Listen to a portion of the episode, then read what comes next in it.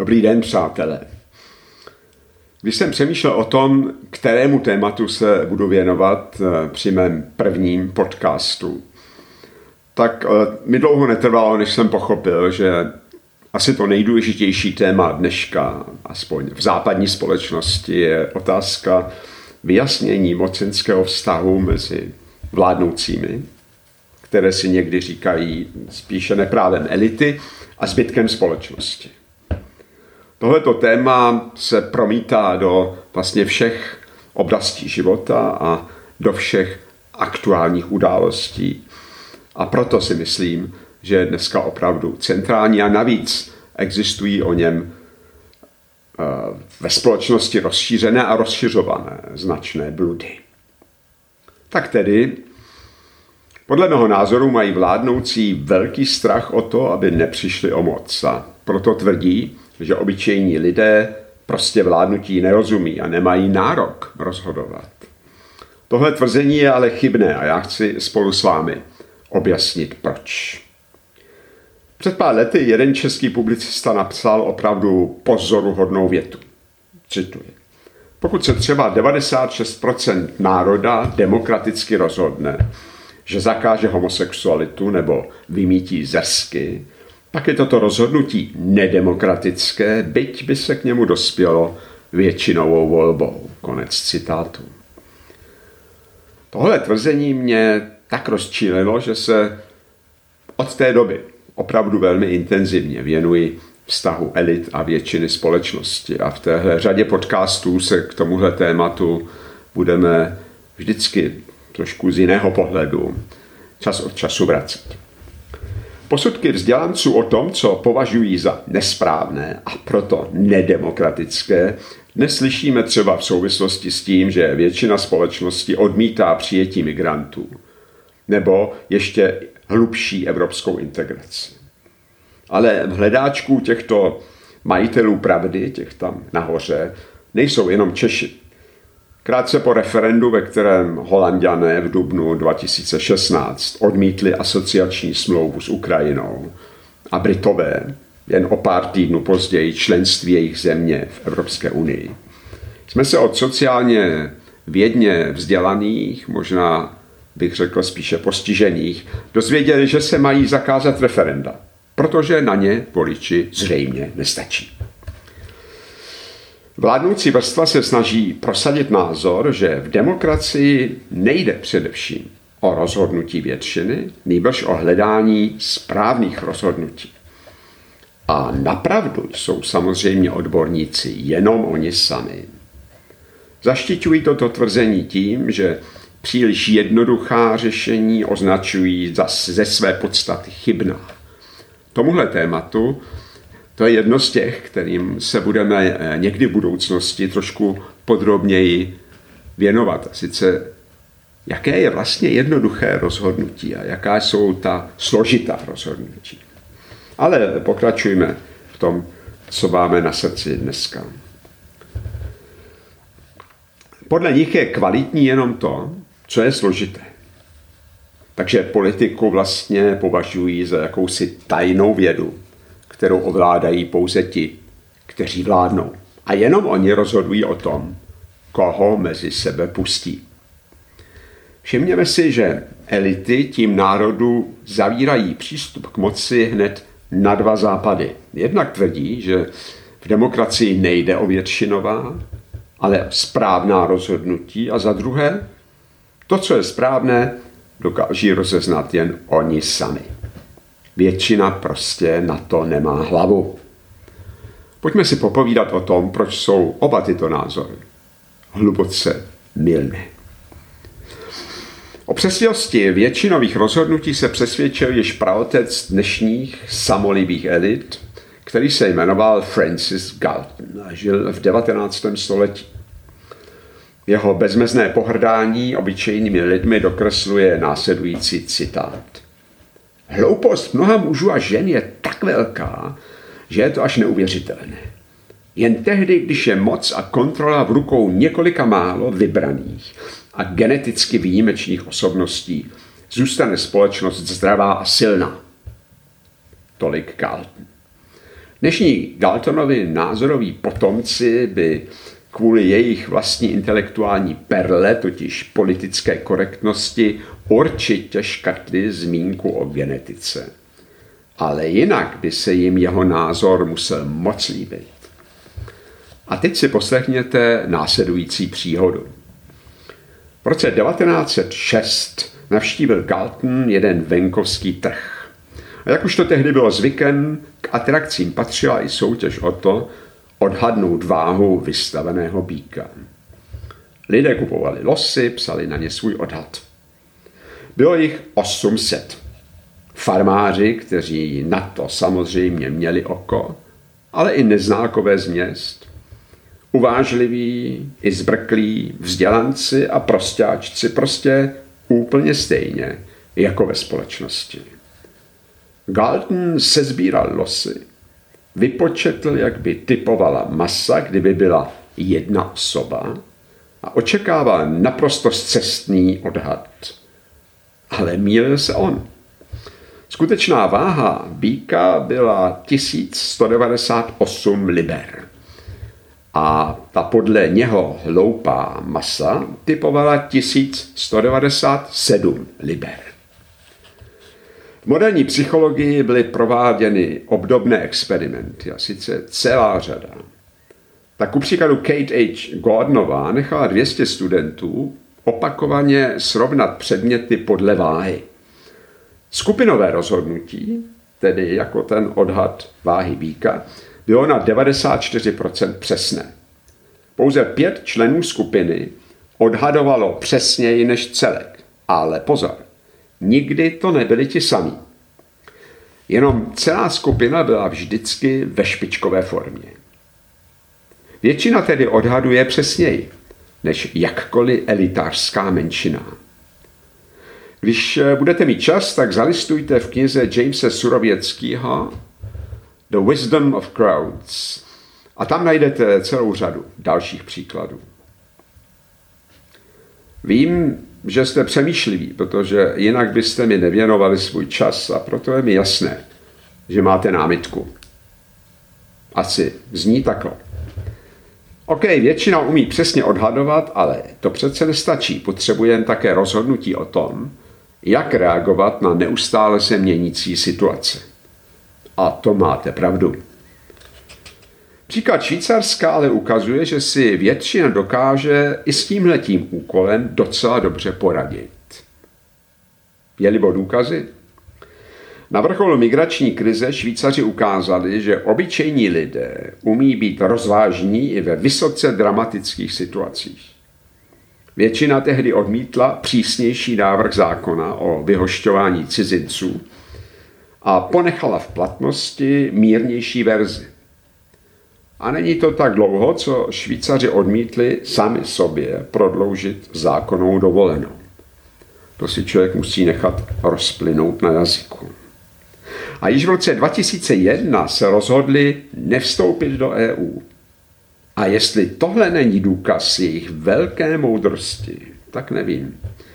Obyčejní Švýcaři totiž svým tehdejším rozhodnutím nevstoupit udělali velmi přesnou předpověď o tom, že Evropskou unii růžová budoucnost nečeká.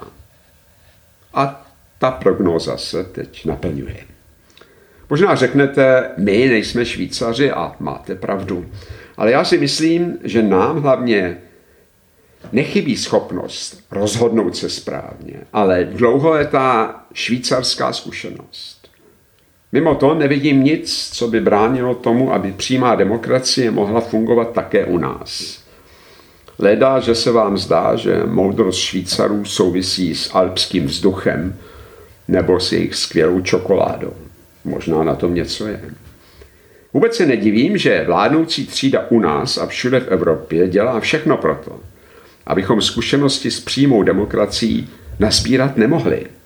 Byli by totiž sami proti sobě, protože by ohrozili svou vlastní moc. Ještě musíme rozlousknout jeden oříšek. Pojďme spolu přemýšlet o tom, jak je možné, že skupiny vzdělaných, zkušených a o své výjimečnosti přesvědčených expertů dělají chyby tím častěji, čím větší moc mají. Ze zkušenosti víme, že když v demokratické společnosti rozhoduje většina, tak se myšlenkové úlety v úvozovkách povedou jen velmi zřídka. Já si myslím, že vím, proč to tak je. Prostě proto, že ve velkém množství lidí se automaticky vyvažuje egoismus s idealismem, pragmatismus s vizionářstvím, naivita s cynismem a hloupost s přemoudřelostí. A právě tohle zprůměrování vede k tomu, že zcela cestná rozhodnutí nejsou tak pravděpodobná. To ale v malé skupině neexistuje. Tohleto vyvažování názorů hlasováním lidí, kteří o sobě ani nevědí. Malá skupina se snadno zhodne na dobře promyšleném nesmyslu, protože se buď nechá zastrašit, uplatit, anebo možná úplně nejčastěji společně zabloudí ve vlastních vědomostech. Hned se pokusím objasnit, co tím myslím. Napřed se podívejme na významná rozhodnutí, která v posledních letech padla jak u nás i v zahraničí.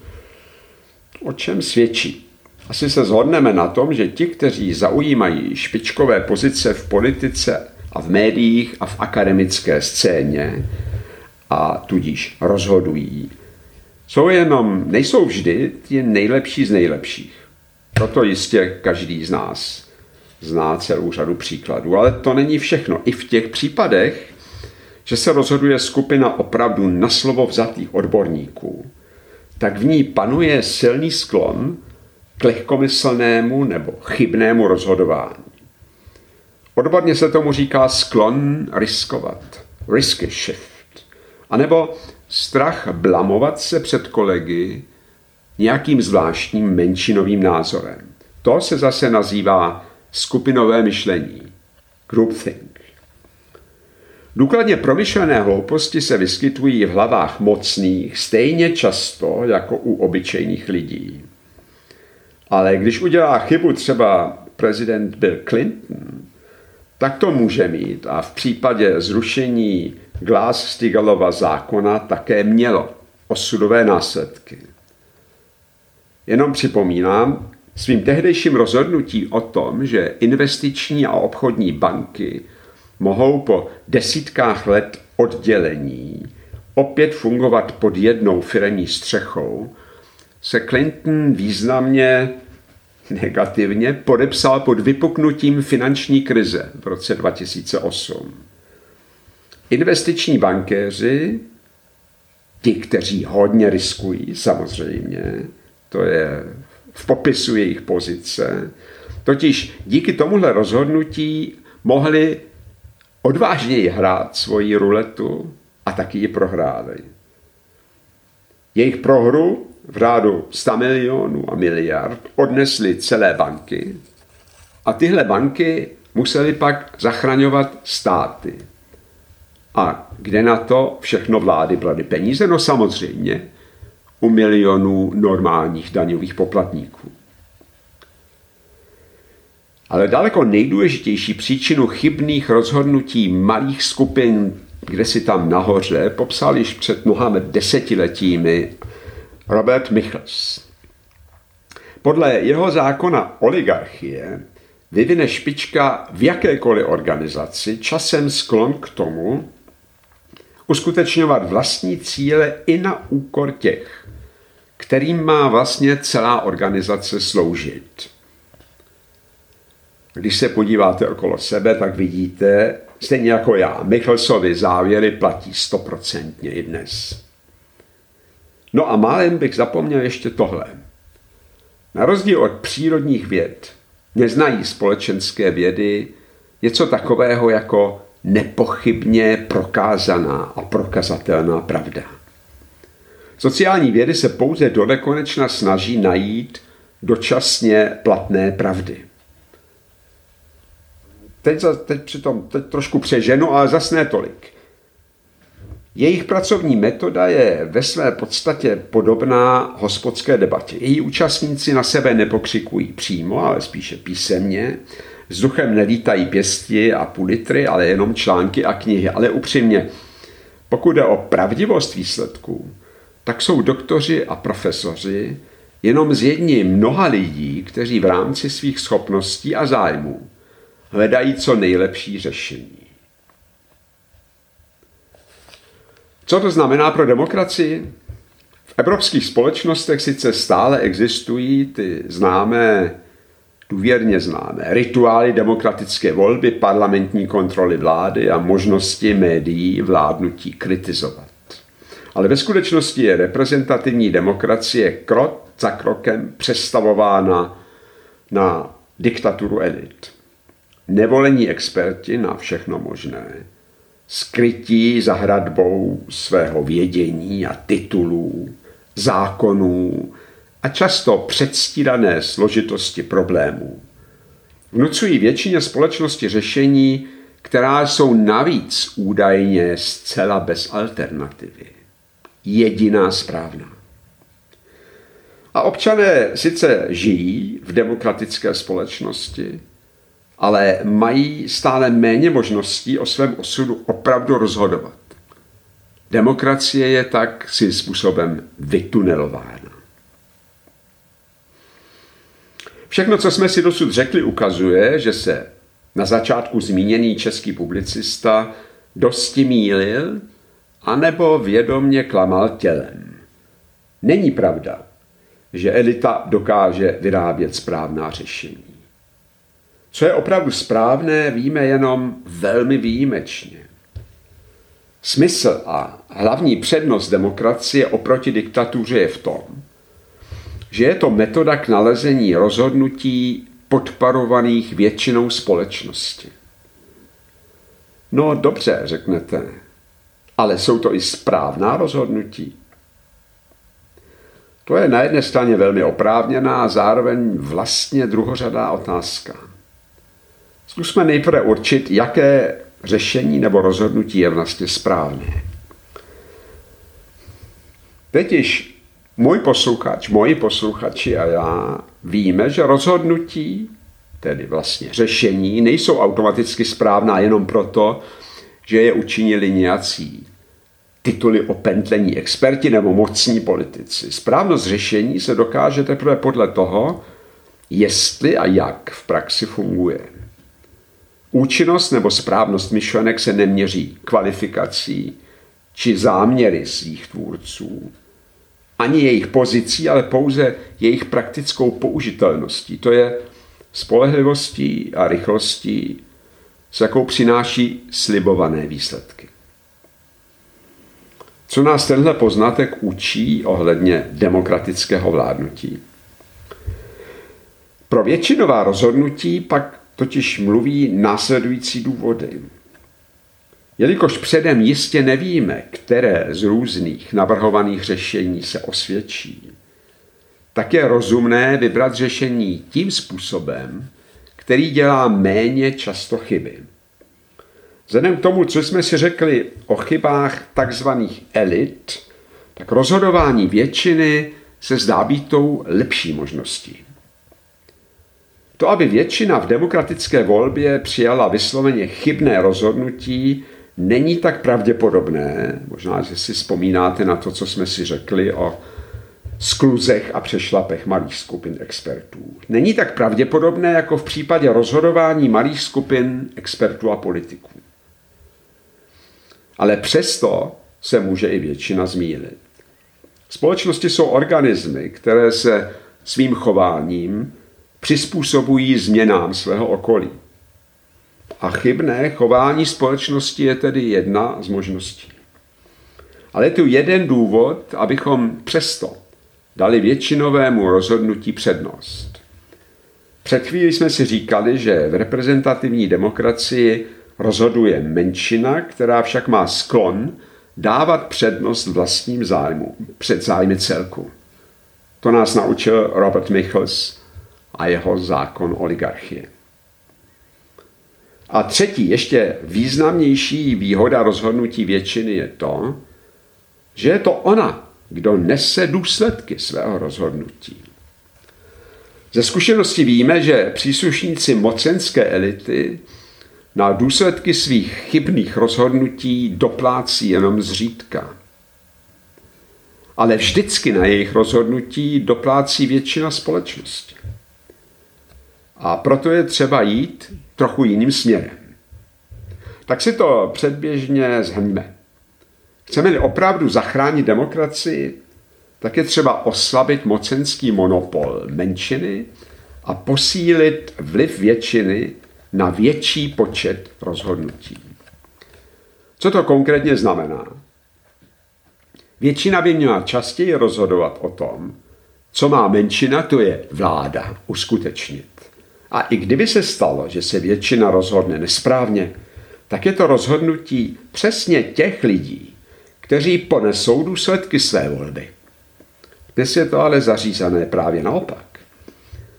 Většina zvolí nepřímo vládu a ta sama určuje jak politické cíle, tak i způsoby jejich dosahování. Ale většina nese vždycky důsledky těchto osamělých rozhodnutí, učiněných kdesi ve výšinách mocenské pyramidy.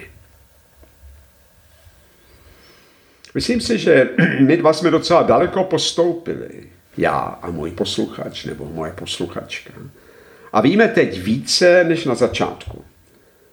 Přesně je nám jasné, že plošné převzetí švýcarského modelu není ani proveditelné, ale vlastně ani žádoucí. Ale víme i to, že by hodně pomohlo, kdyby vzrostl počet rozhodnutí, která mohou občané činit sami a kdyby byly posíleny jejich možnosti opravit nebo zabrzdit zvláště sporná rozhodnutí vládnoucí menšiny.